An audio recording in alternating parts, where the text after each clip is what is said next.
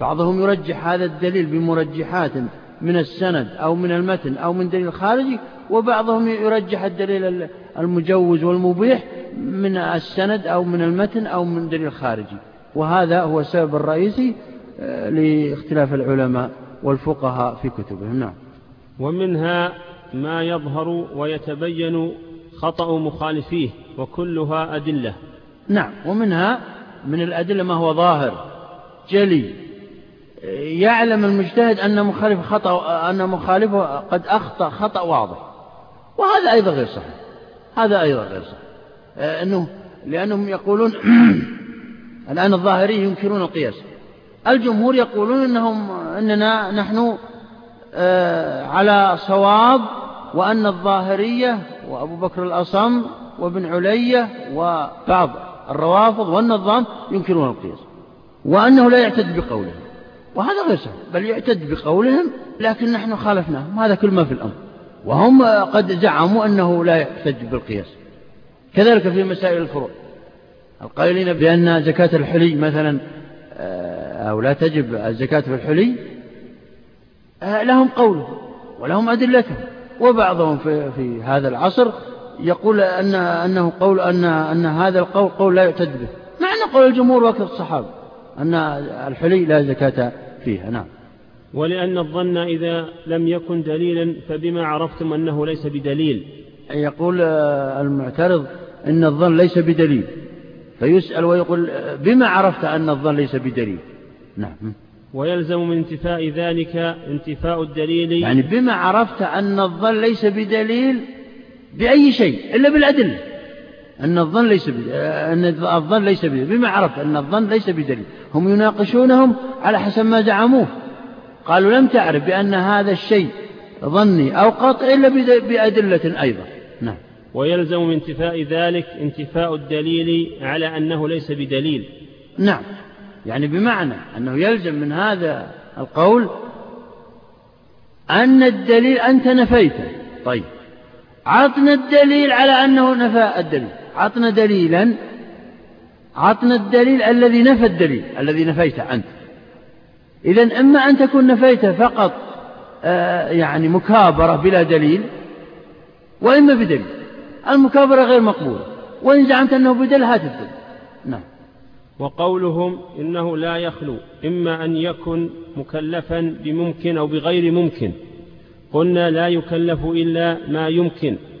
ولا نقول أنه يعني أن يكلف ب قالوا هناك في الاعتراض أن المجتهد إما أن يعلم الحكم إما أن يعلم الحكم المعين عند الله أو لا يعلم. فإن ادعى العلم فهذا غير ممكن.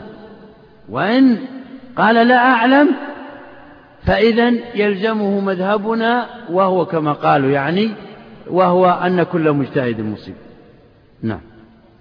ولا نقول أنه يكلف الإصابة في محل التعذر. الجواب قال أنه يكلف بما يمكن وهو الاجتهاد. هذا الجواب. يقول أنه يك... المجتهد يكلف بما يمكن فقط. ما الذي يمكنه المجتهد؟ هو أنه يجتهد. وإذا غلب على ظن أن أن الصواب بجانبه أفتى به. هذا كل ما في الأمر. لا يكلف الوقوع على الحقيقة. الحقيقة مخفية عن الجميع عن العلماء وعن الرسل وعن كل من آه، كل البشر. إصابة الحق اليقيني هذا مخفي عن البشر جميعا. لكنه مكلف بالاجتهاد فيما يغلب على ظنه فقط. هذا هو المكلف. وهذا يستطيعه ويقدر عليه ويمكن. نعم. ولا نقول أنه يكلف الإصابة في محل التعذر. بل يكلف طلب الصواب والحكم بالحق الذي هو حكم الله تعالى. نعم بمعنى أن الشيء المتعذر لا يكلف أن يصيبه.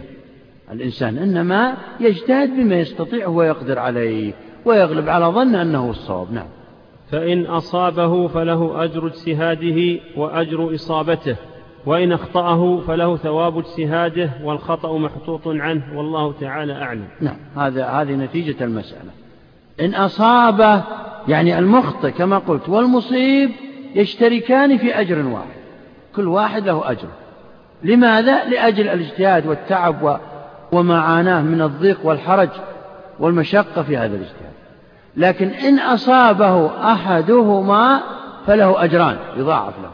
لكن هل المجتهد يعلم أنه أصاب؟ لا يعلم لا يدري هل هو أصاب أو غير مصيب.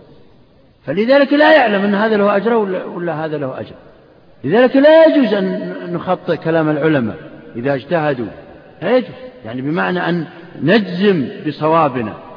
أن نجزم بصوابنا ونجزم بخطأ غيرنا. فلا بد من العبارة التي يرددها آه، المحققون من العلماء وهو أن قولنا صواب يحتمل الخطأ وقول غيرنا خطأ يحتمل الصواب. لا بد من القاعدة. كان العلماء يكررونها على ألسنتهم. نعم.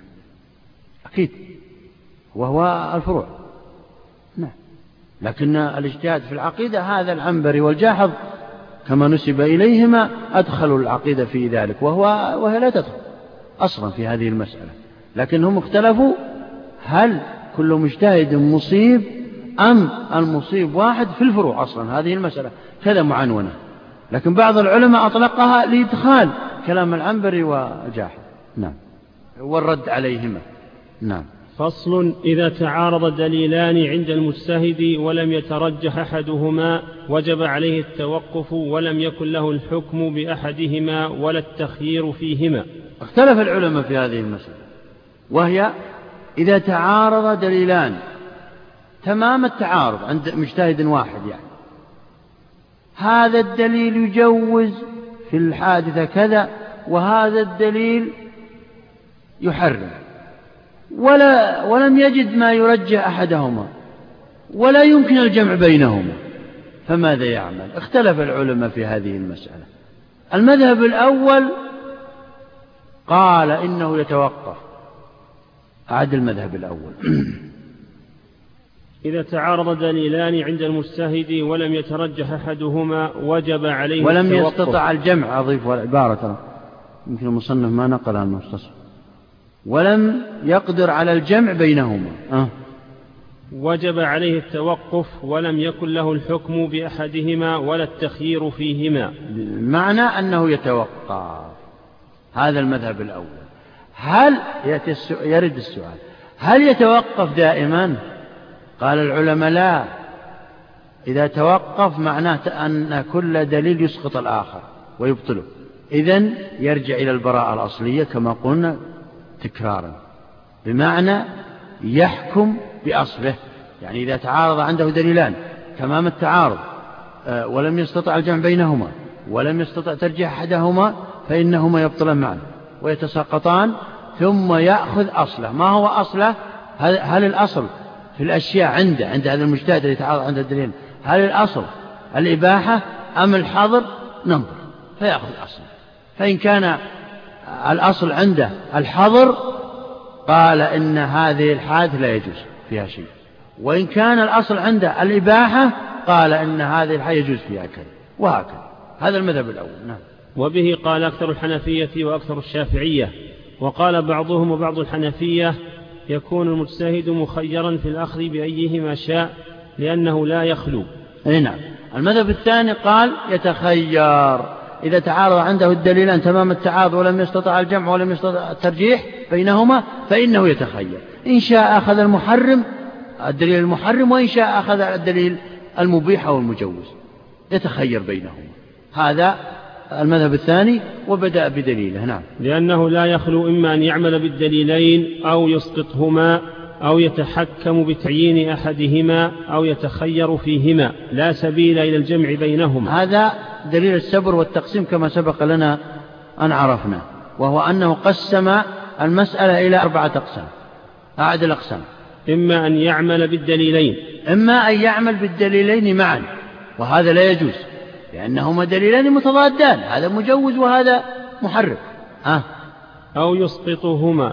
أو يسقطهما معا. وهذا لا يجوز لأنه يلزم منه إسقاط دليلين قد ثبت من الشارع. هذا لا يمكن. ها؟ أو يتحكم بتعيين أحدهما. أو يتحكم بتعيين أحدهما. يعني بمعنى يرجح أحدهما بدون مرجح. لا من السند ولا من المتن ولا من دليل خارجي فهذا تحكم يسمى. وهو الدعوة بلا دليل. ها. فلم يبقى إلا الرابع وهو أو يتخير فيهما. ها. أو يتخير فيهما. يعني الرابع هو أهون الأمور وأيسرها يقول. فيتخير يأخذ إما المجوز أو المحرم. لا سبيل إلى الجمع بينهما عملا وإسقاطا لأنه متناقض. نعم لأنه مت... قلنا هذا نعم. ولا إلى التوقف إلى غير غاية فإن فيه تعطيلا وربما لم نعم يق... أضاف هذه العبارة قال لا يمكن أن نتوقف إلى غير غاية. يعني نتوقف بالحكم هذا تعطيل للأحكام وهذا لا يجوز. بل فيه موافقة الكفار الذين يقولون إن الإسلام عاجز عن حل القضايا المتجددة. ومن قال هذا من المسلمين فقد كفر بإجماع المسلمين بإجماع العلماء. الآن بعضهم يقول إن الأحكام الشرعية ليس فيها حل القضايا الجديدة فيها وصف. المشكلة أنه يعتبر نفسه مسلم. هذا كفر كفر بقوله هذا. يعني إذا قال بأن الإسلام عاجز عن حل القضايا المتجددة فهو كافر بإجماع المسلمين. المذهب هذا يقول لا يمكن أن نتوقف. إلى, ما إلى متى نتوقف إذا نعم. وربما لم يقبل الحكم التأخير. نعم. يعني ربما أن الحكم ينبغي أن ينجز. نعم. ولا سبيل للتحكم. وهو القول الدعوة بلا دليل ها؟ ترجيح أحدهما بلا دليل يعني ها؟ لم يبقى إلا التخيير والتخيير بين الحكمين مما ورد به الشرع. يعني يقصد أنه لم يبقى إلا أن نتخير بين الدليلين ونأخذ ما نشاء بدون تعيين يعني بمعنى كأنه يأخذ يقول هذا الدليل سأخذه أو هذا الدليل أو أحيانا أخذ هذا الدليل فترة ثم أتركه وأخذ الدليل الآخر. هذا كلامهم طبعا وما يؤدي إليه. ثم بين أن التخير في الشريعة جائز. ها؟ والتخيير بين الحكمين مما ورد به الشرع في العام إذا أفتاه مجتهدان. نعم يقول إن الشارع قد أورد التخيير بين في الشريعة يعني في النصوص وغيرها من الصور من الصور أن. أن المقلد إذا أفتاه عالمان بمسألته فإنه يتخير يقول عالم قال يجوز لك تفعل كذا والعالم الآخر قال لا يجوز فإن هذا العامي يتخير ويأخذ هل هذا إما قول ذا أو ذاك نعم هذا طبعا مخالف كما ستأتي إن شاء الله الأجوبة عن هذا نعم. وفي خصال الكفارة. كذلك في خصال كفارة اليمين. إما إطعام عشرة مساكين أو كسوتهم أو عتق رقبة. هذا تخيير يسمى. مع أن عتق هذا كلامهم طبعا. مع أن العتق يمكن عشرين ألف درهم أو عشرين ألف دينار. وإطعام عشرة مساكين ثلاثين دينار. فرق عظيم يقول. ومع ذلك خير الشرع بينهم. نعم. والتوجه إلى أي جدران الكعبة شاء لمن دخلها. نعم لمن دخل الكعبة يتوجه إلى أي جدار يريد من الكعبة. وتصح صلاته نعم. والتخيير في زكاة مئتين من الإبل من الإبل بين الحقائق وبنات اللبون وأمثال ذلك. نعم وأمثال ذلك كثير في الشريعة التخيير. لذلك يوجد كتب في الواجب المخير يسمى هذا نعم. فإن قلتم التخيير بين التحريم ونقيضه والإيجاب وعكسه يرفع التحريم والإيجاب. نعم هم أثاروا هذا هذا الاعتراض. أصحاب المذهب الثاني. لم تأتي الأجوبة من أصحاب المذهب الأول. إنما أثاروا هذا الاعتراض. يعني إن قال قائل أنه كيف يكون التخيير بين الحظر والإباحة؟ إذا وجد التخيير بين الحظر والإباحة إذا بطل الحظر بطل التحريم كله. الإنسان سيختار دائما السهل وسيختار المباح دائما. نعم. فإن قلتم فإن قلتم التخيير بين التحريم ونقيضه والإيجاب وعكسه يرفع التحريم والإيجاب. نعم. لا شك أن الإيجاب والتحريم فيه إلزام وفيه مشقة وفيه ضيق. فإذا خير بين الواجب والمباح وبين الحرام والمباح لا شك أن أن الإنسان بطبيعته سيختار المباح لئلا يأثم نعم. قلنا هذا جواب من أصحاب المذهب الثاني. على الاعتراض الذي أثاره نعم. قلنا إنما يناقض الإيجاب جواز الترك مطلقا أما جوازه بشرط فلا. يعني يقصد أن إن, إن لا نسلم لكم أن الإيجاب يناقض المباح. إنما ترك الوجوب والواجب إذا ترك مطلقا فعلا كلامكم صحيح كلام المعترض صحيح.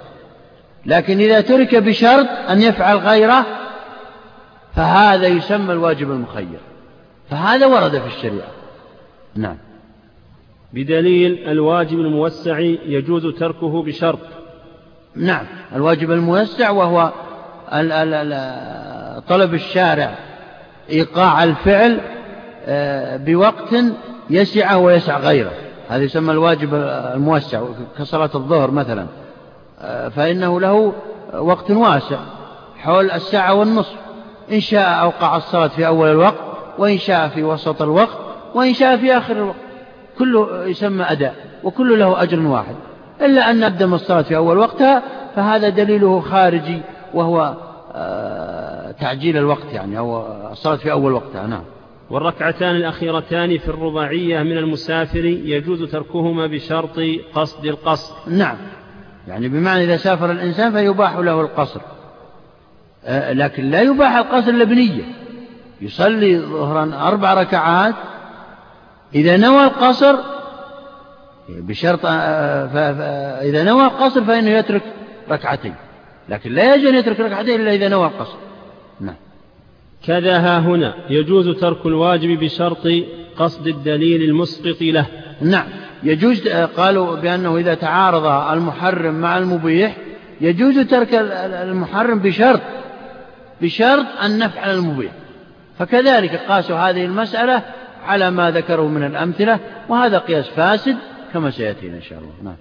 وإذا سمع, سمع قوله عليه وإذا سمع قوله تعالى وأن تجمع بين الأختين حرم عليه الجمع وإنما يجوز له الجمع إذا قصد الدليل الثاني وهو قوله أو ما ملكت أيمانكم كما قال عثمان أحلتهما آية وحرمتهما آية. نعم اختلف العلماء في طبعا الجمع بين الأختين والحرتين أجمع العلماء على تحريم لكن اختلفوا هل يجوز الجمع بين الأختين الأمتين؟ بشرط أن يطع كل واحد منهما. أما الخدمة يجمع بينهم يعني كونه سيد لأخوات ليست مشكلة. لكن إذا إذا وطأ واحدة عند الجمهور لا يجوز أن يطع أخته أختها الأخرى. هذا عند الجمهور. أما ما حكي عن عثمان بن عفان أنه قال يجوز الجمع بين الأختين الأمتين. استدل بالآية الأخيرة وهي قوله تعالى أو ما ملكت أيمانكم أو ما ملكت أيمانكم. يعني بمعنى أن هذه الآية خاصة بالأمتين. نعم خاصة بالأمتين يجوز أن يجمع بينها ولو يجمع أي أمة سواء أخوات أو غير أخوات. الآية الأخرى وأن تجمعوا بين الأختين عامة للأمتين والحرتين. فالآية الثانية يقول كما روي عن عثمان أن الآية الثانية خصصت الأولى. وهذا طبعا آه، هذه الحكاية عن عثمان قيل أنه رجع عنها وقيل أنها ليست صحيحة أصلا. نعم. ولنا أن التخيير جمع بين النقيضين واطراح لكلا الدليلين. نعم. ولنا بدأ الآن يرد على المذهب على ما قال قاله أصحاب المذهب الثاني. ولنا ها؟ ولنا أن التخيير جمع بين النقيضين واطراح لكلا الدليلين. يعني لما قال أصحاب المذهب الثاني بين أن نتخير بين الدليلين نأخذ إما المحرم أو المبيح. يقول المجيب هذا التخيير مسقط. للحكم أصلا. ولا يمكن أن نجمع بينهما. لماذا؟ لأنه ينتج عنه كما قال هناك في الاعتراض أنه لا تحريم ولا واجب ولا شدة ولا ضيق في الشريعة. إذا نعم. وكلاهما باطل. أما بيان اقتراح الدليلين فإذا تعارض الموجب والمحرم فيصير إلى التخيير المطلق وهو حكم ثالث غير حكم الدليلين. غير حكم الدليلين معا فيكون اقتراحا لهما وتركا لموجبهما. يقول إذا خيرناه بين الدليلين بين الدليل المحرم, والمبيح فإن هذا إثارة لحكم ثالث وهو التخيير بينهما. وهذا لم يرد وهذا لم يرد حتى في الأحكام الشرعية بين دليلين تخيير لم يرد. نعم. وأما الجمع بين النقيضين فإن المباح نقيض المحرم فإذا تعارض المبيح والمحرم فخيرناه بين كونه محرما يأثم بفعله وبين كونه مباحا لا إثم على فاعله كان جمعا بينهما وذلك محال. نعم. لا يمكن أن يقال لمقلد أو عامي اختر بين هذين الدليلين المجيز والمحرم فإن هذا محال لتضادهما لا يمكن أن يجتمعا في حكم واحد. نظرا لهذا التضاد. إذا الجواب الأول أنه ينتج عنه يسقط التحريم والوجوب. فلا مشقة ولا ضيق إذا في الشريعة كل سيختار المباح. الجواب الثاني أن تخيير الشخص بين الدليل الحاضر وهو المحرم وبين الدليل المبيح هذا يلزم منه جمع بين الضدين. هذا لا يمكن في أي حكم. نعم. ولأن في التخيير بين الموجب والمبيح. رفعا للإيجاب فيصير عملا بالدليل المبيح عينا وهو تحكم. نعم آخر المسألة أن من قال بذلك وهو التخيير يلزم من هذا المذهب أن الناس كلهم سيختارون الإباحة لأنهم لا يريدون أن يأثموا. كل إنسان سيهرب عن الإثم وعن العقاب وما يترتب عليه وقد يقصر في, في, في, في الواجب. فيعاقب. سيذهب إلى الإباحة فإذا قصر فيه وإذا به ليس عليه تبعات نعم. وقد سلموا بطلانه. وقد سلموا بطلانه فيما وقع من هؤلاء العلماء وهم الحنفية وهم بعض العلماء يعني. قولهم إنما جاز بالشرط القصد. قولهم لما قالوا أننا لا نقول قال أصحاب المذهب الثاني لا نقول بأنه يترك الدليل المحرم بدون شرط بل بشرط العمل بالدليل المبيح الجواب قلنا فقبل أن يقصد العمل بأحدهما ما حكمه؟ إن قلتم حكمه الوجوب والإباحة معا والتحريم والحل معا فقد جمعتم بين النقيضين. نعم. هذا تقسيم. يعني إن قلتم بأنه حكمه كذا أو كذا فهذا جمع بين الضدين. والنقيضين النقيضين نعم. وإن قلتم حكمه التخيير فقد نفيتم الوجوب قبل القصد واطرحتم دليله وأثبتتم حكم الإباحة من غير شرط. نعم. إن قلتم بأنه يخير بينهما فقد أبطلتم دليل الوجوب بمبطل لم يثبت عن الشارع. نعم. وإن قلتم لا حكم له قبل القصد وإنما يصير له بالقصد وإنما يصير له بالقصد حكم فهذا إثبات حكم بمجرد الشهوة والاختيار من غير دليل. نعم إذا قلتم بأن لا نبطل الحكم الدليل المحرم إلا بشرط أخذه بالدليل المبيح فهذا تشهي وتلذذ في الأحكام الشرعية. فهذا يؤدي إلى ما قلناه سواء أنتم قصدتم أو أم لم تقصدوا. نعم.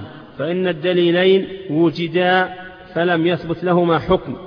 وثبت بمجرد شهوته وقصده بلا دليل وهذا باطل.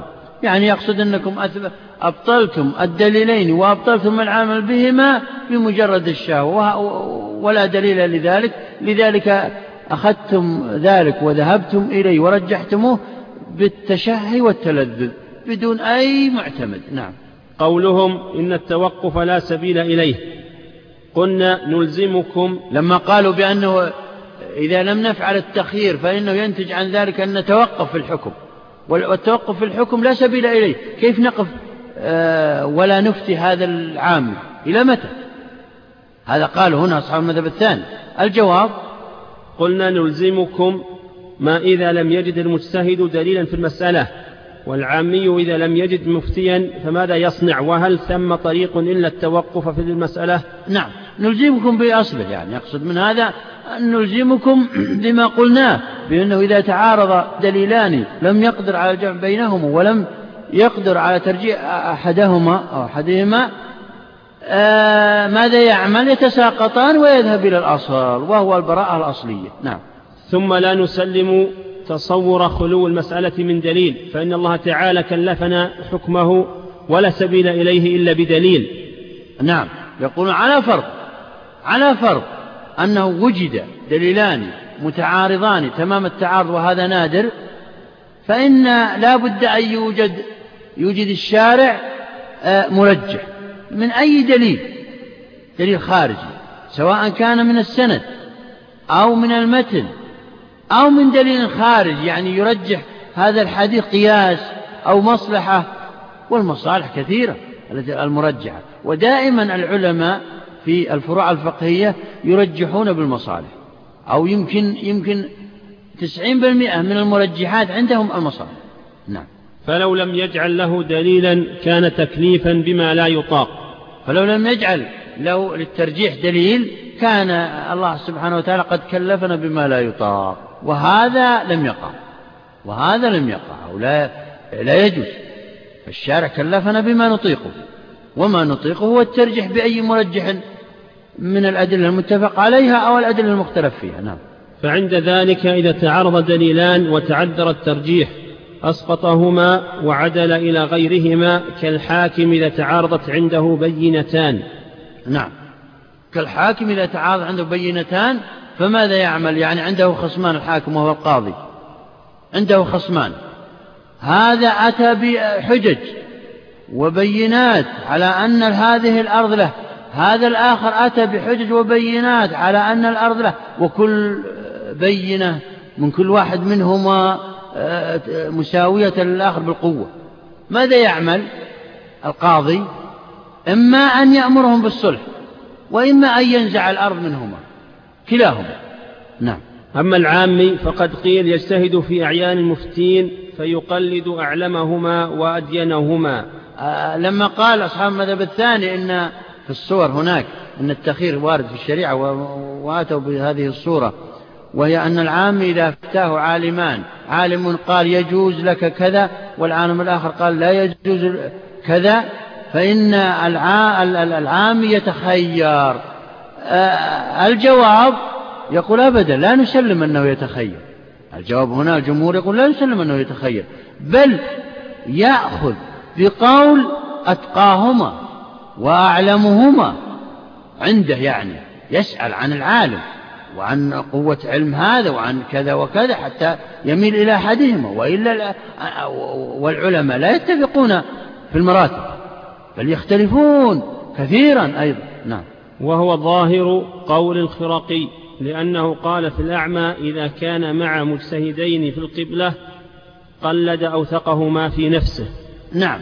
وهو قول الخرقي في مسألة فرعية وردت في المغني أوردها ابن قدامة نفسه في المغني وهو أن الأعمى إذا سافر ثلاثة فاختلف الاثنان البصيران بصيران وأعمى اختلف البصيران قال واحد قال زيد الجهة هنا وقال عمرو الجهة من هنا فإن الأعمى هذا لا يتخير بينهما يقلد أيهما شاء بل يقلد ويتبع أوثقهما عنده وأدينهما وأعدلهما وأتقاهما لا من هذا أما أنه يتخير ما ورد في الشريعة. نعم. وقيل يخير بينهما. وقيل يخير بينهما وهذا مذهب ضعيف.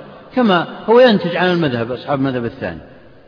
هذا الكلام الفرع هذا اختلف العلماء فيه وهو مسألة الأعمى مع البصيرين اختلف العلماء فيه ثمرة لاختلافهم في تلك القاعدة.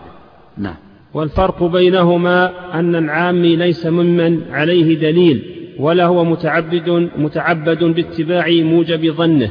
بخلاف المجتهد فإنه نعم. متعبد الفرق بذلك بين العامي والمجتهد؟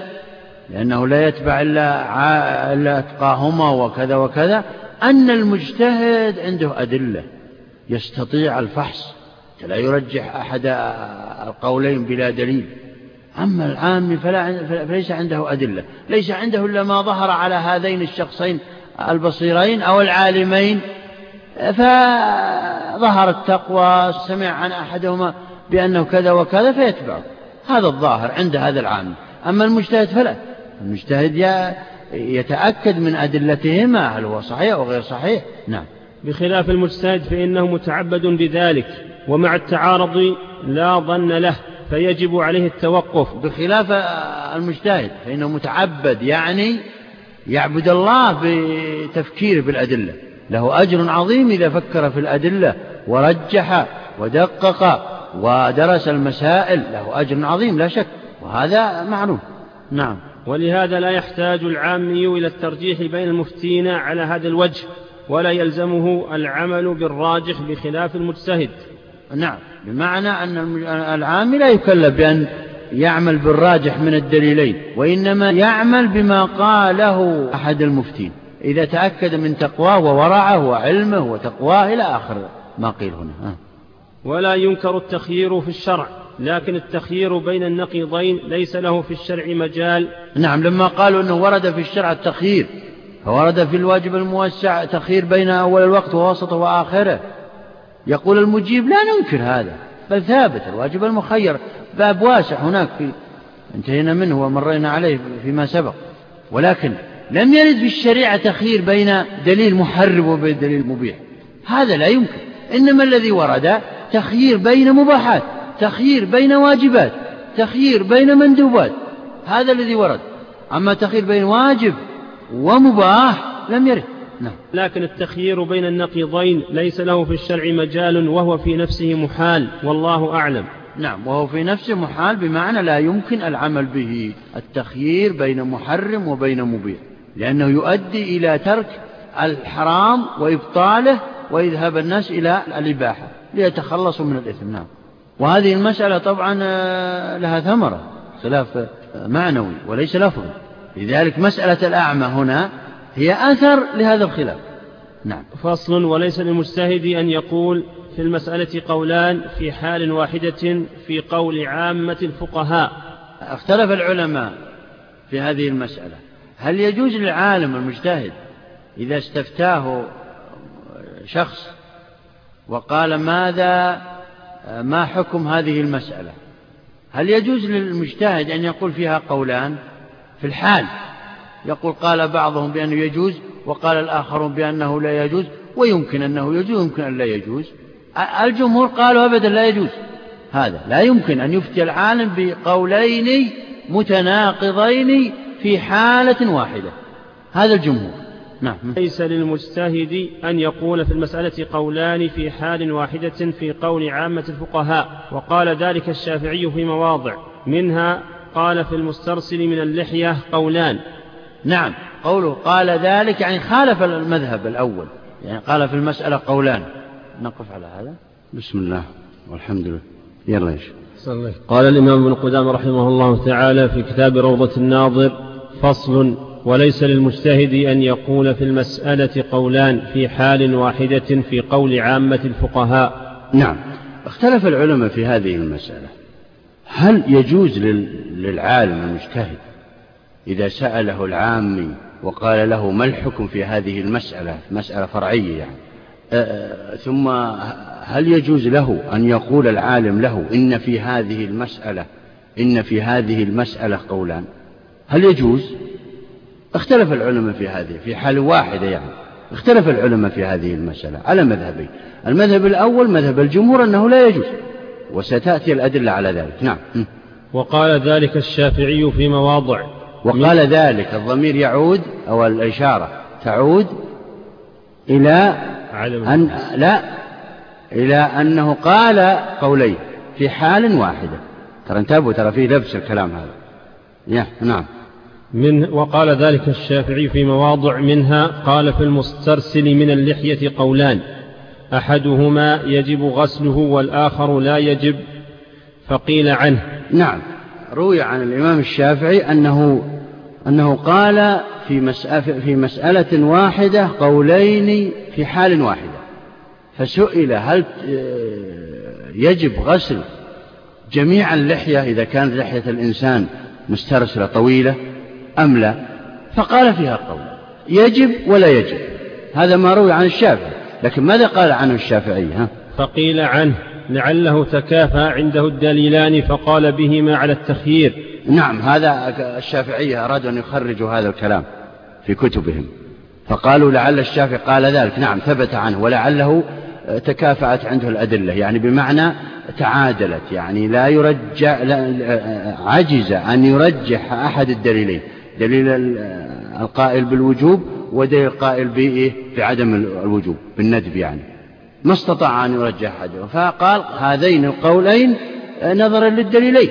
ما يستطيع أن ألا يعني يقيم الحكم فيهما أي يحذفهما أو يبطلهما. ما استطاع وإنما تعادل الدليلان فقال هذا القول نعم. أو علم الحق في أحدهما لا بعينه فقال ذلك لينظر فيهما فاخترم فاخترمه الموت أو نبه أصحابه على طريق الاجتهاد. نعم هذا احتمال آخر وهو أنه قال ذلك وأنه يريد أحدهما أحد القولين لا بعينه. ويريد أن يفكر في الأمر ويريد أن يفكر في الأمر. يعني قال السائل سأل وقال ما الحكم في في اللحية المسترسلة هل يجب غسلها أم لا؟ فقال فيها قولان. وكأن الشافعي يقولون إن الإمام الشافعي كان يريد أن يفكر في المسألة. يعني قولان وأراد أن يفكر في المسألة فاخترمه الموت. مات قبل أن يبدي رأيه في المسألة أو يرجح. نعم. أو نبه أصحابه على طريق الاجتهاد.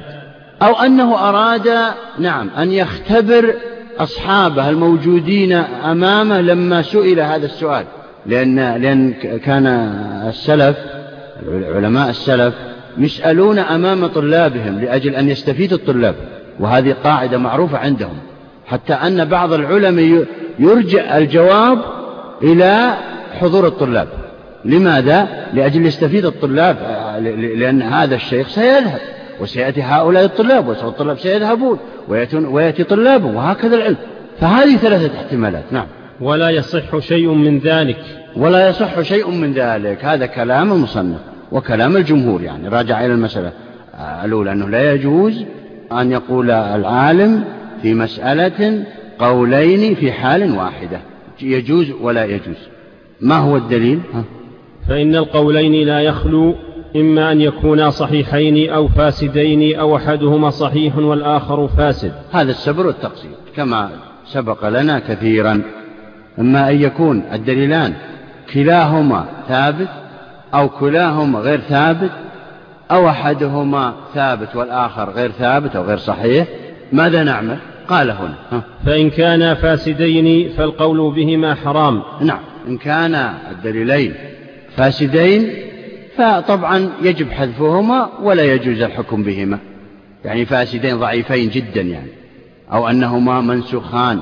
أو أنهما يعني أي علة تبطلهما يسمى فاسد. نعم. وإن كانا صحيحين وهما ضدان فكيف يجتمع الضدان؟ نعم. إن كان هذان الدليلان صحيحين فإنه لا بد من الحكم بهما. لكن كيف يحكم بهما وهما ضدان؟ كل واحد أتى بحكم يناقض الآخر أو ضد الآخر. لا يمكن. والحل في هذا هو أن نحذفهما معا ونرجع إلى البراءة الأصلية كما قلنا فيما سبق كثيرا وهو الاستصحاب. نعم. وإن كان أحدهما فاسدا لم يخلو إما أن يعلم فساد الفاسد أو يع أو يع إما أن يعلم فساد الفاسد أو لا يعلمه. نعم. إما يعلم هذا العالم فساد الفاسد أو لا يعلمه. فإن علمه فكيف يقول قولا فاسدا؟ إما أن يعلم فساد الدليل الفاسد هذا إن صار وعلم فكيف يقضي به؟ كيف يستدل به؟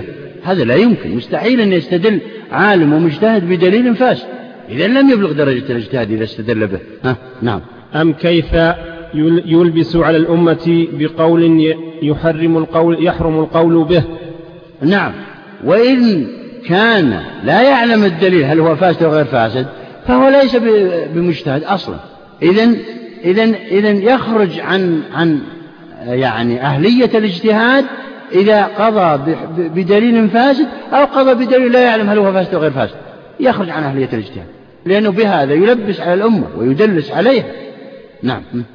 وإن اشتبه عليه الصحيح بالفاسد. لم يكن عالما بحكم المسألة ولا قول له فيها أصلا فكيف يكون له فيها قولان؟ نعم يعني بمعنى إن لم يعلم صحيح الأدلة من فاسدها فلم يبلغ درجة الاجتهاد أصلا فليس له لا قول ولا قولين ولا ثلاثة ولا أي شيء.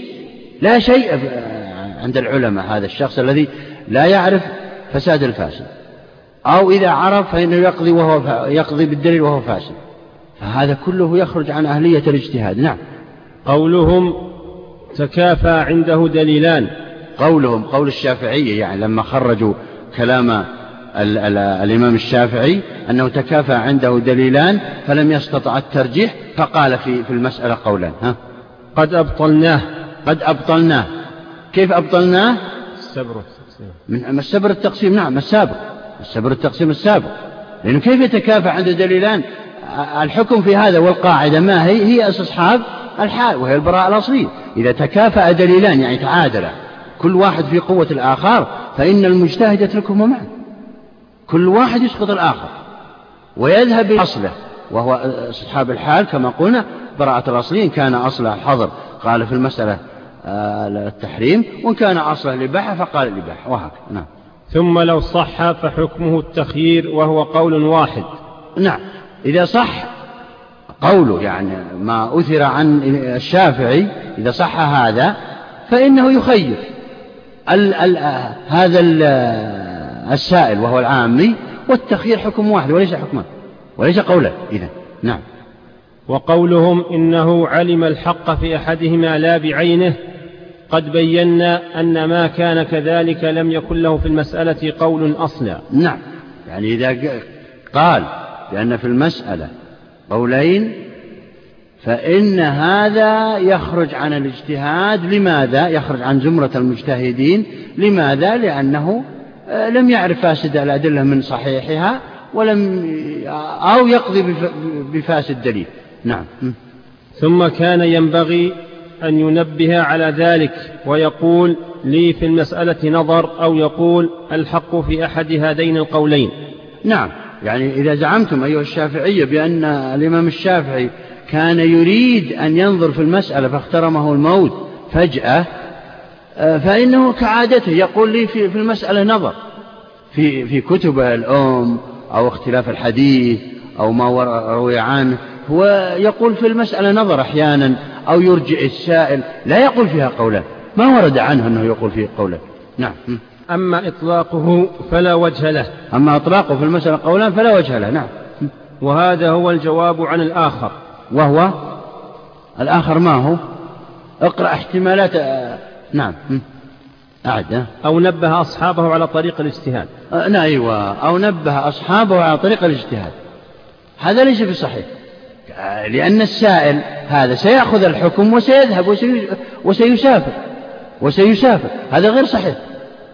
أنه قال فيها قولان ويسكت لأجل تنبيه أصحابه وتلاميذه على الاجتهاد. هذا غير صحيح لأنه سيأخذ الجواب وسيسافر وسيروي عنه ذلك. يجيبه ثم يسأل الطلاب ويلقي عليهم سؤال السائل ثم يجيب عنه أو يجيب بعض الطلاب ثم يعني يقر على ذلك أو لا يقر. نعم. أما ما يحكى عن غيرهم من الأئمة من الروايتين فإنما يكون ذلك في حالتين لاختلاف الاجتهاد والرجوع عما رأى إلى غيره. نعم هذا ورد كثير. عن الإمام أحمد وعن الشافعي عن الإمام أحمد روايتين وثلاث أيضا روي عنه. والإمام الشافعي كان له قول قديم وقول جديد مشهور والإمام مالك له روايات كذلك وأبي حنيفة وأبو حنيفة كذلك له روايات في روى عنه أصحابه. فهذا آه، يعلل بأن الإمام قال أول عمر قولا ثم رجع عنه في آخر عمر. أو أنه قال قولا في هذا اليوم واجتهد غدا ورأى أن القول أو الدليل ضعيف فرجع عنه فرجع عنه. لذلك تجدون الإمام مالك كان ينهى عن كتابة آه، الفتاوى. ينهى لأنه آه، ما هو السبب؟ قال المالكية لأنه يفتي اليوم بقول غدا يرجع عنه. فكيف تسير بها القوافي ولا الناس يذهبون بهذا الحكم مع أنه سيغيره غدا إذا آه، اكتشف أن الدليل ضعيف أو نحو من ذلك. نعم. ثم لا نعلم المتقدمة منهما فيكونان كالخبرين المتعارضين عن النبي صلى الله عليه وسلم. نعم آه، الروايات والأقوال عن الأئمة. لا نعلم أيهما المتقدم إلا طبعا بمعرفة التاريخ أو معرفة إذا عرفنا التاريخ بمعنى عرفنا أن الرواية, الرواية هذه آه، قالها آه، في هذه السنة والرواية الأخرى قال في سنة كذا سابقة. فنعلم أن المتأخر ينسخ المتقدم كما قلنا في الناسخ والمنسوخ أو أنه هو آه، يتكلم ويقول هذا خلاف ما قلته فيما سبق. مثل ما قال عمر رضي الله عنه ذاك على ما قضينا وهذا على ما نقضي. هذا يدل على أنه رجع عن قوله في المشركة وقد كررناها كم مرة. رجع عن قوله هناك وشركهم هنا في آخر عمره. هذا على ما قضينا. هذا يدل على أن في اللفظ يأتي الناسخ والمنسوخ كما هو كما قلنا في الناسخ والمنسوخ فيما سبق. نعم. صدق هذه المسألة مفترضة بالسؤال العامي فقط. أي نعم. يعني يقول فيها قولان. نعم السؤال العامي للعالم. العالم هو الذي يقول فيها قولان. نعم نعم بس إيه؟ اللي يسأل يعني بس غير العامي. لو سأل طالب علم مثلا يقول هو عامي طالب العلم عامي. يعني إذا لم يبلغ الإنسان درجة الاجتهاد فهو مع العوام في درجتهم ترى. إذا لم يبلغ درجة الاجتهاد انتبه. لكن العوام مراتب مراتب. أحد طلاب علم عالين واحد متوسطين واحد مبتدئين ثم الطبقة السفلى وهم الذين العوام المشهورين وهكذا. نعم. فصل. اتفقوا على أن المجتهد إذا اجتهد فغلب على ظنه الحكم لم يجز له تقليد غيره. نعم. هذه مسألة هل يجوز للمجتهد أن يقلد غيره؟ هل يجوز للمجتهد أن يقلد غيره؟ اختلف في ذلك فذهب الجمهور قالوا لا يجوز له أن يقلد غيره. إذا غلب على ظن أن الحكم في المسألة كذا فلا يجوز له أن يقلد غيره في هذه المسألة في هذه المسألة. نعم. اتفقوا على أن المجتهد إذا اجتهد فغلب على ظنه الحكم لم يجز له تقليد غيره وعلى أن العامي له تقليد المجتهد. وعلى أن العامي يجب عليه تقليد المجتهد كما أن الأمة يجب عليه أن تتبع الرسول صلى الله عليه وسلم فكذلك العوام يجب أن يتبعوا المجتهدين. فإن وجد في عصر واحد عدد من المجتهدين فإن العام يتخير عدلهم وأتقاهم. وإن لم يوجد إلا مجتهد واحد في العصر الواحد فيجب عليه وجوب عين فيجب عليه أن يتبعه فيما يقول. لأن العلماء ورثة الأنبياء طبعا إذا بلغوا درجة الاجتهاد. نعم. كلمة هنا وعلى أن العامي له تقليد يعني يجوز له ليس له إذا وجد. أنا لماذا فصلت؟ إذا وجد غيره يباح له أن يقلد فلان وفلان من المجتهدين. إذا وجد عدد من المجتهدين يباح له أن يقلد فلان وفلان. أتقى يختار أتقاهم كذا أما إذا لم يوجد غير المجتهد فيجب وجوب عين أن يقلده. نعم. فأما المتمكن من الاجتهاد في بعض المسائل ولا يقدر على الاجتهاد في البعض إلا بتحصيل علم على سبيل الابتداء. هذا يسمى تجزؤ الاجتهاد. مسألة تسمى هل يجوز تجزؤ الاجتهاد؟ عند الجمهور يجوز تجزؤ الاجتهاد يعني بمعنى أنه يبلغ درجة الاجتهاد في الفرائض. يعرف أسباب الإرث وموانع الإرث وشروط الإرث والمسائل المختلف فيها والمتفق عليه جميع شروط المجتهد والآيات الخاصة بالإرث والأحد الخاصة بالإرث والآثار وغير ذلك. وجميع المسائل التي اختلف العلماء فيها في الإرث وجميع المسائل المتفق عليها إذا جمع جميع هذه الأمور فإنه يبلغ درجة الاجتهاد في الفرائض. وإن لم يعلم وإن لم يعلم بعض الأحكام مثلا في النكاح أو في الحدود هذا يسمى تجزئ الاجتهاد. فأما المتمكن من الاجتهاد في بعض المسائل ولا يقدر على الاجتهاد في البعض إلا بتحصيل علم على سبيل الابتداء كالنحو في مسألة نحوية وعلم الصفات الرجال في مسألة خبرية فالأشبه أنه كالعام فيما لم يحصل علمه. أي نعم فيما لم يحصل كالعام يعني بمعنى أنه كالعام في باب النكاح. أنا قلت آه، مثال من تبحر في الفرائض كالعام في باب النكاح أو الطلاق أو الحدود فيجوز له هذه المسألة سيقت بعد تلك المسألة أن المجتهد أحيانا يجوز له التقليد في هذه المسألة بالذات. وهي أنه لا يجوز له التقليد في المسألة تحصلها وبلغ درجة الاجتهاد فيها وهي الفرائض مثلا ويجوز له التقليد في المسائل الأخرى التي لم يحصلها ولم يبلغ درجة الاجتهاد فيها. هذا يسمى تجزع الاجتهاد. لذلك تجدون جمهور العلماء يرجحون ما قاله زيد في الفرائض إذا اختلف زيد مع ابن مسعود أو ابن عباس. لماذا؟ لقوله صلى الله عليه وسلم فرضكم زيد. وهكذا متخصص في هذه المسألة أو في هذا الشأن. ومن هنا ومن هذا المنطلق جاء تخصصات الآن الموجودة في بل يكون مجتهد مطلق في باب الفرائض. مثلا مجتهد مطلق مثلا إذا في باب الحدود والجنايات والقصاص وغير ذلك إذا تبحر فيه كما قلت إذا يعني جمع جميع أدلة أدلة وجمع جميع شروط المجتهد في مثلا هذا الباب. وهكذا. نعم. فالأشبه أنه كالعامي فيما لم يحصل علمه فإنه كما يمكنه تحصيله فالعامي يمكنه ذلك مع المشقة التي تلحقه. أي نعم. يعني بمعنى أنه قاسه على العامي. يعني المجتهد في باب الفرائض مثلا يعني المجتهد في باب الفرائض ولكنه لا يعلم شيئا عن باب الحدود والجنايات مثلا فإنه كالعام. لما ما الجامع بينهما؟ أن كل منهما لا يعرف المعلومات الابتدائية عن هذا الباب فيكون كالعامي إذن الحكم يجوز له التقليد في باب الاجتهاد في باب التقليد في باب الجنايات ولا يجوز له التقليد في إيه؟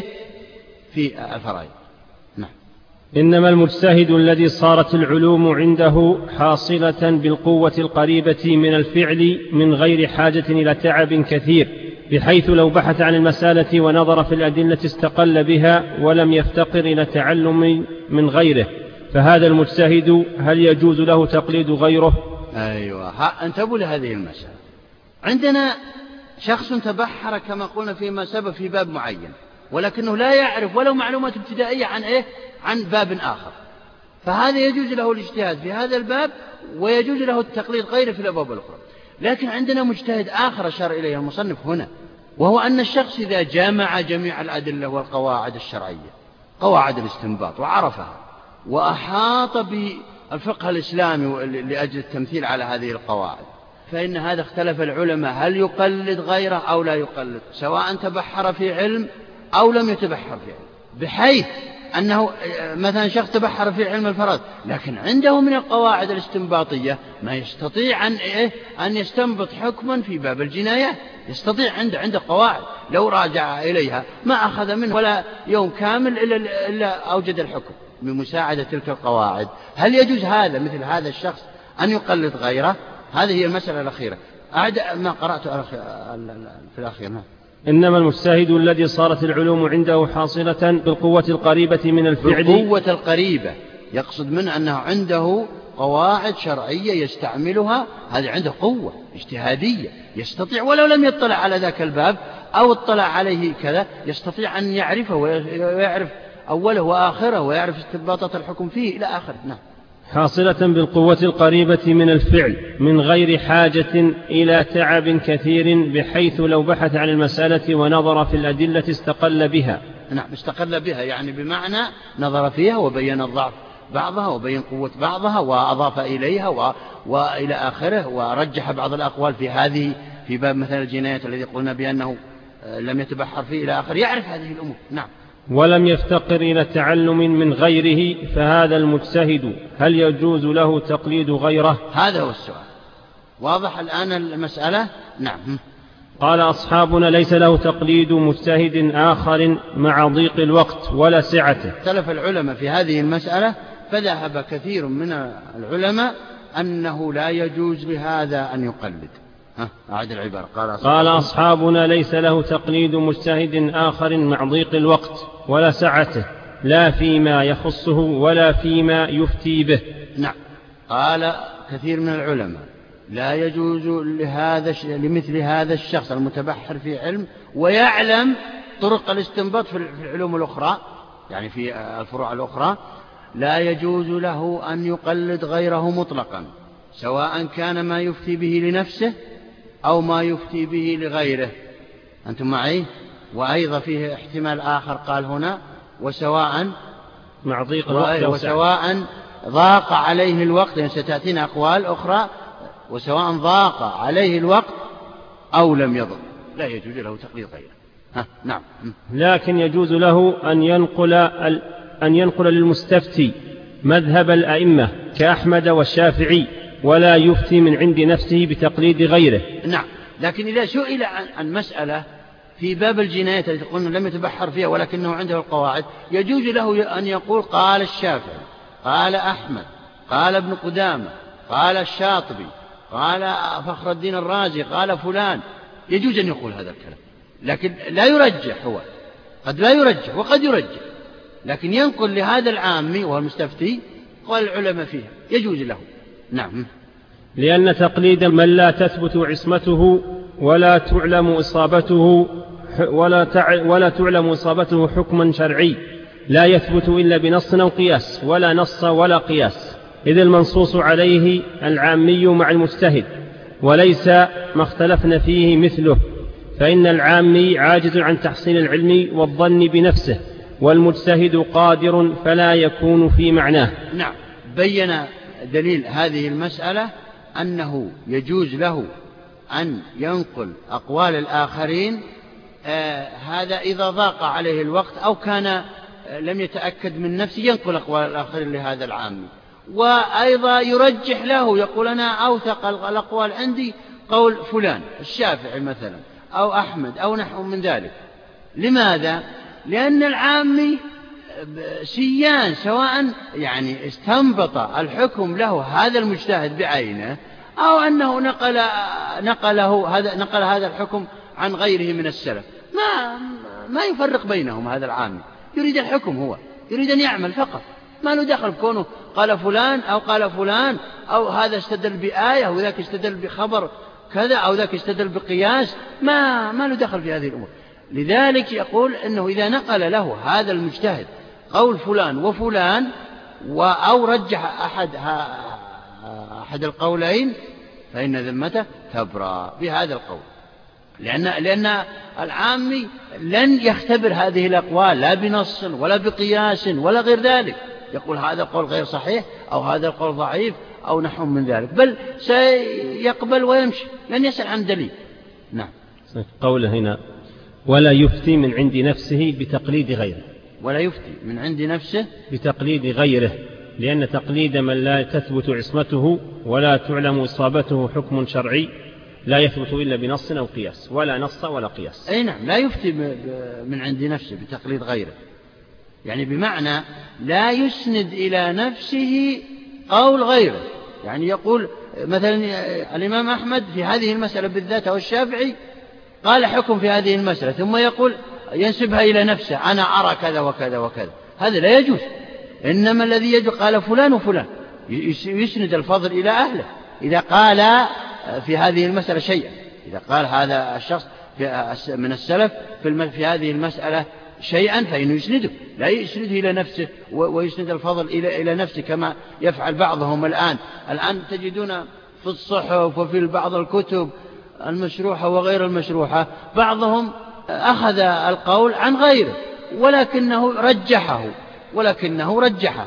تجدون من كتب بعده أن فلان أن هذا القول قاله فلان وقد ابتدعه وقال قاله كذا وكذا وهو مرجع ما ما أتى بجديد لكنه أراد أن يشرح هذا القول الموجود فقط. نعم. فإن قيل هو لا يقدر على غير الظن وظن غيره كظنه. نعم. هذا اعتراض. يعني بمعنى أن هذا المجتهد آه، لا يحكم إلا بما غلب على ظنه. لا يحكم إلا بما غلب على ظنه. وظن, غير وظن غيره ليس كظنه. أنتم معي؟ أعد العبارة وقيل؟ فإن قيل هو لا يقدر على غير الظن وظن غيره كظنه. نعم. يعني بمعنى إذا غلب على ظنه شيء من أو حكم من الأحكام فإنه يقول الحكم عندي كذا ويعطيها بلفظ الجزم على هذا العامل أي يردده ولا يشككه. وظن غير كظن لا فرق بينهما إذن. لا فرق بين السلف والخلف في هذا ولو نقل ولو نقل عن غيره. نعم.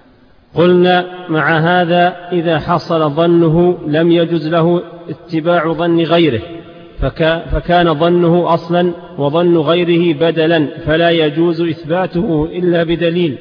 نعم. هو يقول إن الجواب عن هذا الاعتراض أن ظن ظنه ليس كظن غيره. هذا المجيب يقول ليس كظن غيره. فظنه مرجح ومقوي وظن غيره لا نعلم ما هو إنما هو رجح فيما سبق. فلذلك يقول له هذا هذا ما رجحته أنا من قول فلان. يعني بمعنى اختلف الإمام الشافعي وأحمد أو الشافعي وأبو حنيفة في مسألة. فيرجح هذا المجتهد أحد القولين. يقول أنا يغلب على ظني أن قول فلان هو الراجح نعم. ولأنه إذا لم يجز له العدول إليه مع وجود مبدل لم يجز مع القدرة عليه كسائر الأبدال والمبدلات. نعم. يعني على فرض لو وجد هذا القائل من السلف لبطل قوله. يعني بمعنى لو فرض أن. أنه رجح قول الشافعي مثلا. أنتم معي؟ وعلى فرض وجود المبدل وهو الشافعي لبطل قول البدل وهو هذا المجتهد النقل عنه. فلذلك قوله ظنه ليست كظن غيره أو ليس مثل ظن غيره بل ظن غيره أقوى وهو الأصل لكن هذا نقله. نعم. فإن قيل لا نسلم عدم النص في المسألة بل فيها نصوص كقوله تعالى فاسألوا أهل الذكر إن كنتم لا تعلمون. وهذا لا يعلم هذه المسألة. وهذا لا يعلم هذه المسألة يعني بمعنى لا يعلمها بل نقلها عن غيره. يعني كانوا يخرجون عن زمرة المجتهدين. نعم. وقوله أطيعوا الله وأطيعوا الرسول وأولي الأمر منكم. قلنا المراد بالأولى أمر العامة بسؤال العلماء. إذ ينبغي المراد؟ بالأولى الآية الأولى؟ نعم. واسألوا أهل الذكر. نعم. أمر العامة بسؤال العلماء إذ نعم. ينبغي أن يتميز السائل عن المسؤول. وهذا أمر إيجاب لأنه أمر مطلق. الأمر المطلق إذا تجرد عن القرآن يقتضي الوجوب ويجب على العام أن يسأل العلماء المحققين المدققين المتقين العدول.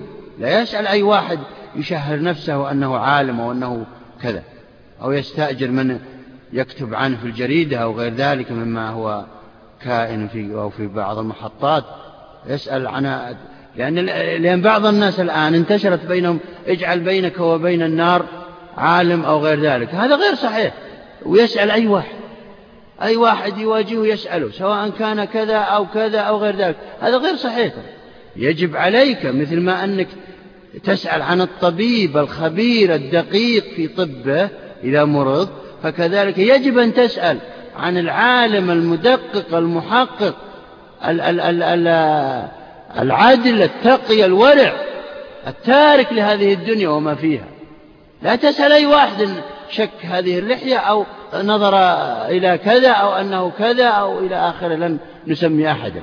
نعم. إذ ينبغي أن يتميز السائل عن المسؤول. ولا يبرأ ترى لا تبرأ ذمة السائل. يظن نفسه أنه إذا سأل أي واحد طالب علم أو أي واحد كذا أنه برئت ذمته. مثل ما الآن منتشر في المساهمات الآن الأسهم. يسألون أي واحد؟ ولا ما دام قال يجوز خلاص. هذا غير صحيح. ما تبرأ ذمته أبدا إلا إذا سأل شخص يعرف عنه التقوى والورع والعلم الدقيق وأنه منقطع عن الخلق لأجل هذا العلم. هذا هو الذي يسأل. أما تسأل أي واحد هو هو أيضا يشارك في هذه الأموال. والأسهم طبعا لن يغير ما هو يعمل به. وهذا شيء معروف. نعم. إذ ينبغي أن يتميز السائل عن المسؤول فالعالم مسؤول مسؤول غير سائل ولا يخرج عن العلماء بكون المسألة غير حاضرة في ذهنه إذ كان متمكنا من معرفتها من غير تعلم من غيره. يقصد من هذا أن المجتهد وهو العالم لا يجوز له أن يقلد غيره ويأخذ العلم من غيره.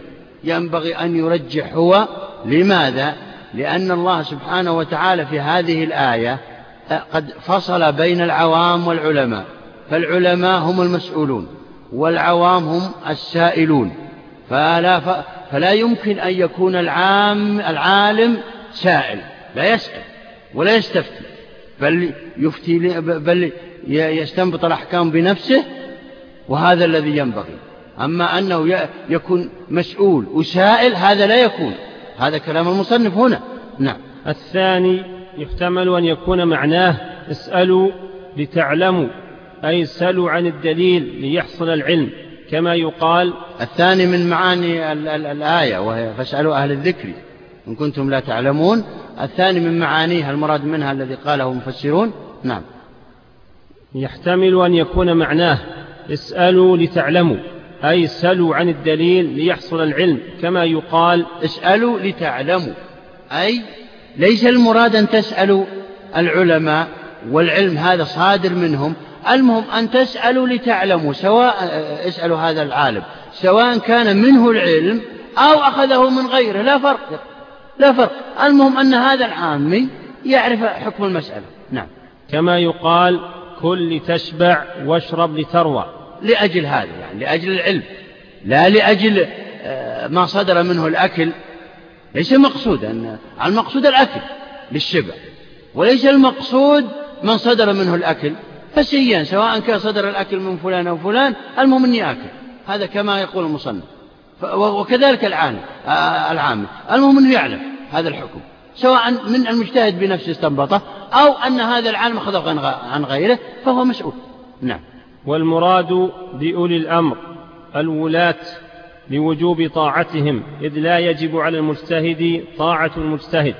نعم والمراد بأولي الأمر هناك آه، في الآية الأخرى هم الولاة ولاة الأمور وهم الأمراء والخلفاء وغير ذلك وليس غير ذلك. نعم.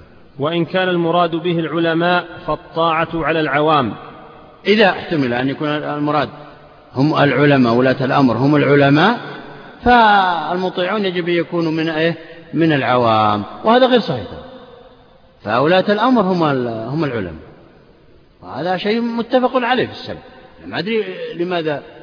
الآن حتى في التفاسير الحديثة بين أوجدوا هذه الاحتمالات. وإلا ولاة الأمر هم العلماء. هم العلماء. سواء كانوا كذا أو كذا. العلماء المحققين والمدققين الذين هم يضعون وهم الذين يرشحون من يتولى عنهم هذا هذه مسيرة الشعوب وغير ذلك. نعم. ثم هو معارض بعمومات أقوى مما ذكروه يمكن التمسك بها في المسألة. ثم هو معارض بعمومات أقوى مما ذكروه يمكن التمسك بها في المسألة. كقوله تعالى فاعتبروا يا أولي الأبصار. وقوله تعالى لا علمه الذين يستنبطونه منهم. وقوله سبحانه أفلا يتدبرون القرآن؟ وقوله تعالى فإن تنازعتم في شيء فردوه إلى الله والرسول. وهذا أمر بالتدبر والاستنباط والخطاب مع العلماء. نعم هذه الآيات كلها فاعتبروا يا أولي الأبصار وغيرها من الآيات تدل على وجوب التدبر والاستنباط من العلماء أنفسهم. من العلماء أنفسهم لا الأخذ عن غيرهم. آه، هو من شروط المجتهد كما سبق لنا أنه يعلم المسائل المختلف فيها لكن لا يقلد إنما يرجح ما يراه هو بنفسه من قوا... آه، بواسطة قواعده وبواسطة ما اقتنع به من تلك القواعد. ولا يرجح ما قاله فلان وفلان ولا يعرف دليله. فلا بد أن أن أن يرجح بدليله سواء وافق فلان أو فلان ما له دخل في هذا. لذلك بعض المتعصبين من أصحاب المذاهب يرجحون أقوال أئمتهم لا لأن الأدلة قوية عندهم ولكن لأنه قول إمامه يقول هو أعلم مني لذلك يرجحه وهذا غير صحيح فإن الإنسان المجتهد يرجح ما قواه الدليل. نعم. ثم لا فرق بين المماثل والأعلم. فإن الواجب أن ينظر فإن وافق اجتهاده الأعلم فذاك وإن خالفه فمن أين ينفع كونه أعلم؟ وقد صار مزيفا عنده وظنه عنده أقوى من ظن غيره وله الأخذ بظن نفسه اتفاقا ولم يلزمه الأخذ بقول غيره وإن كان أعلم فينبغي ألا يجوز تقليده. نعم. يعني بمعنى أن الإنسان إذا طلب العلم طلبا دقيقا وأفنى أكثر عمره لطلبه فإنه لا يقلد وبلغ درجة الاجتهاد فإنه لا يقلد غيره مهما كان أعلم منه مهما كان أعلم منه بدون النظر بالدليل. كأنه هنا يلخص لنا المسألة ويقول المحك والمعيار هو الدليل. إن كنت بلغت درجة الاجتهاد فأنت تعرف أن هذا الدليل ضعيف أو أنه غير أو أنه قوي أو أنه قوي. بصرف النظر عن أنه قاله فلان أو فلان من الأئمة الذين أنت تعتقد أنهم علماء. كما قال إمام الحرمين لما لما خالف قول أبي بكر الباقلاني شيخه أبو بكر الباقلاني اختلف في مسألة. فقال ما نص ويردد في الكتب دائما إن هذا الرجل عظيم يقصد أبا بكر الباقلاني ولكن الحق أعظم منه. ويكررها ويكررها أيضا ابن تيمية في بعض بعض شروحه وكلامه. إن هذا الرجل عظيم ولكن الحق أعظم.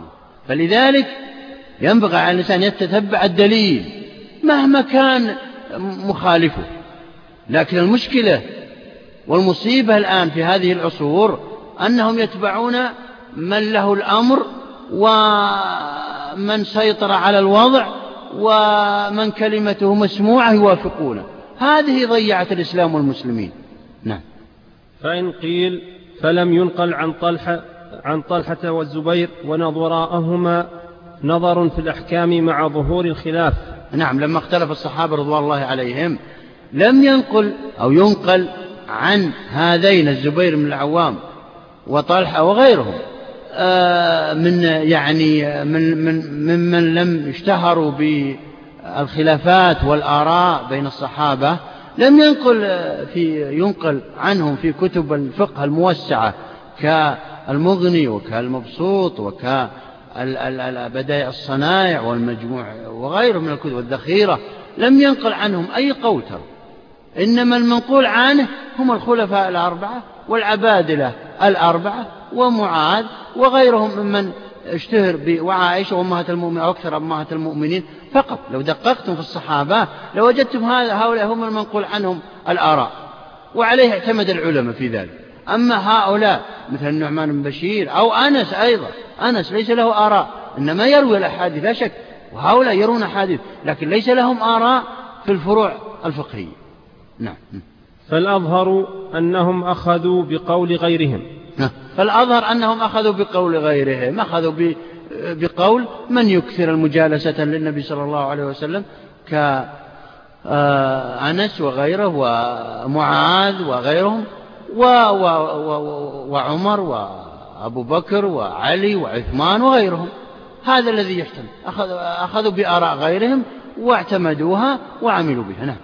قلنا كانوا لا يفتون اكتفاء بغيرهم وأما علمهم لنفوسهم لم يكن إلا بما عرفوه فإن أشكل عليهم شاوروا غيرهم لتعرف لتعرف الدليل لا للتقليد والله أعلم. يعني يقصد من هذا أن من الصحابة أن هؤلاء سكتوا عن الفتوى لا لجهلهم ولكن لأنهم اكتفوا بغيرهم.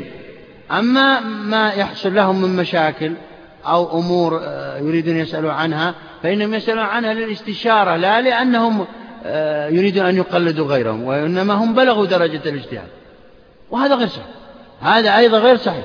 فالصحابة منهم من اشتغل بالعلم ومنهم من اشتغل بحروب والجهاد في سبيل الله ومنهم آه، من دقق في باب معين ومنهم من كذا إلى آخره. والرسول صلى الله عليه وسلم قال خالد سيف الله المسلول وأعلمكم بالحلال والحرام معاذ.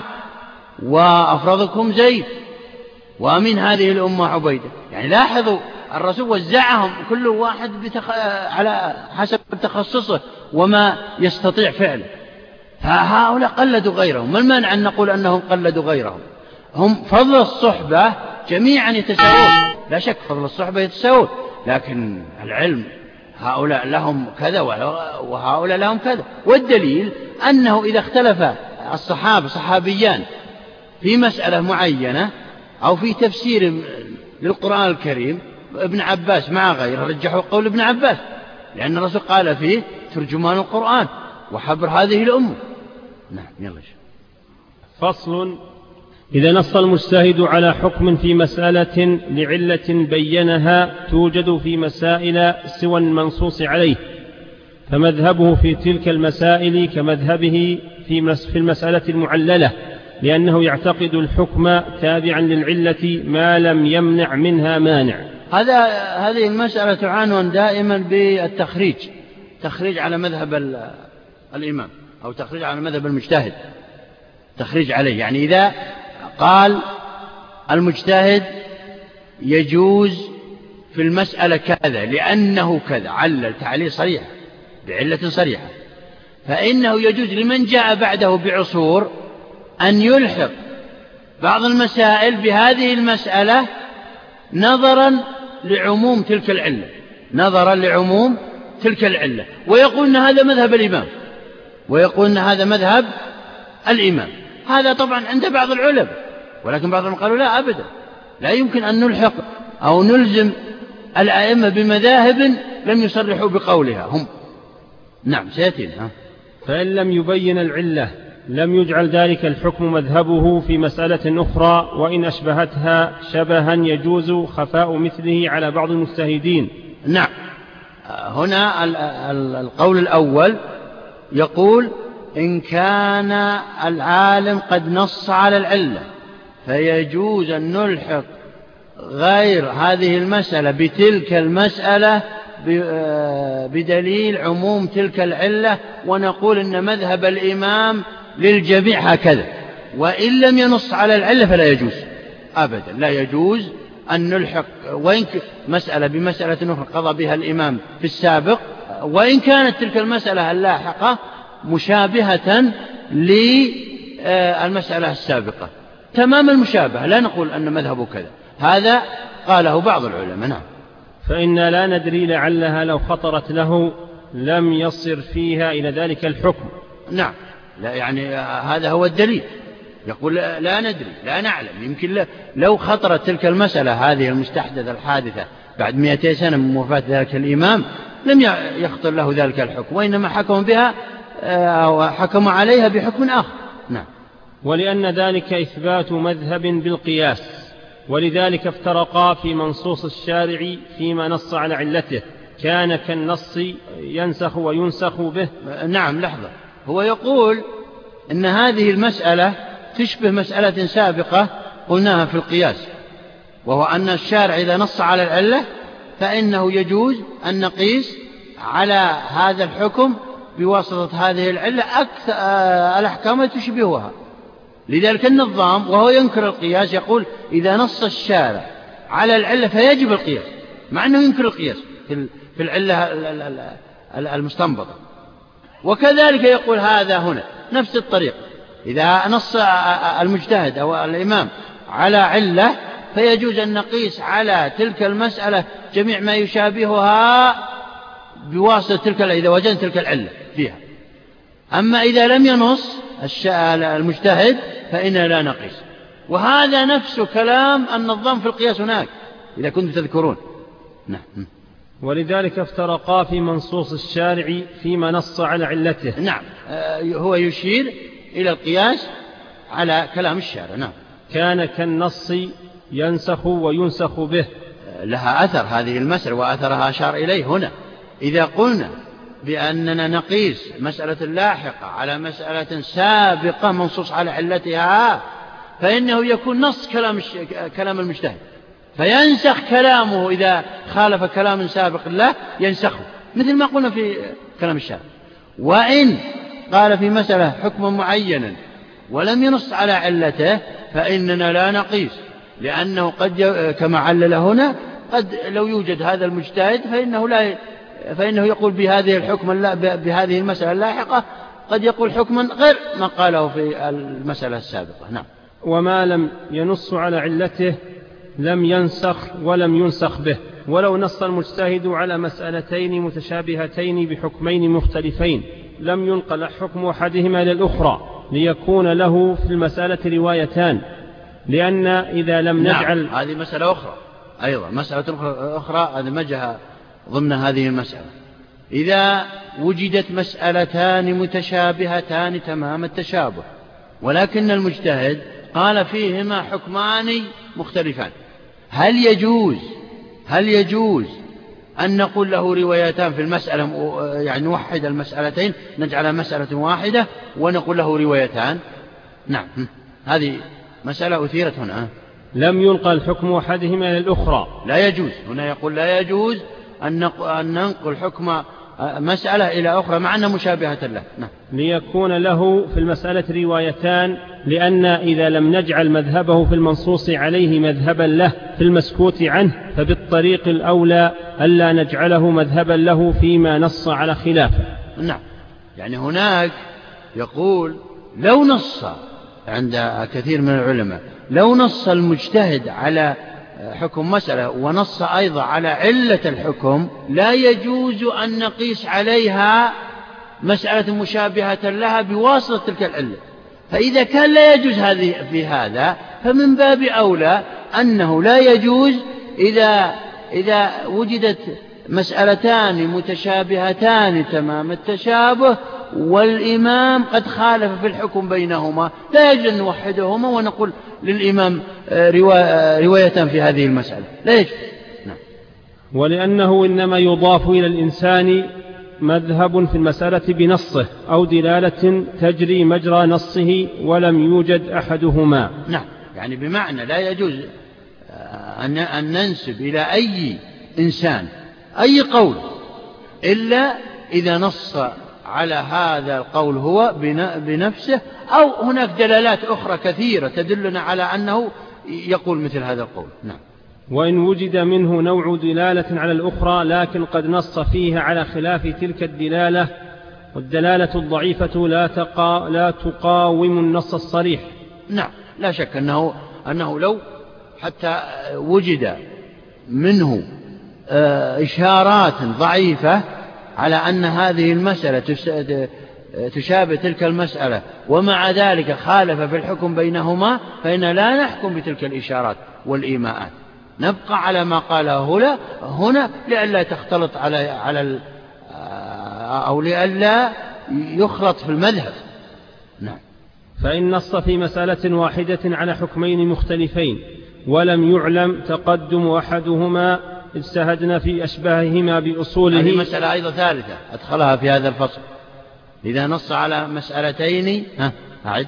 واحدة على حكمين مختلفين ولم يعلم يعني بمعنى قال في مسألة واحد يجوز ولا يجوز. سئل عن مسألة وروي عنه أنه قال يجوز فيها كذا ومرة أخرى قال لا يجوز فيها كذا.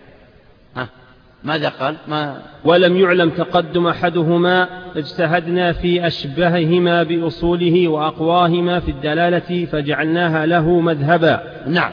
يقول هنا إذا نص المجتهد على في مسألة واحدة على حكمين مختلفين فيها. فقال فيها مرة يجوز وقال فيها مرة لا يجوز. ولا نعلم المتأخر منهما من هذين الحكمين. فماذا نعمل؟ فإننا نرجح أحدهما أنه مذهبه بواسطة قواعده الأصولية.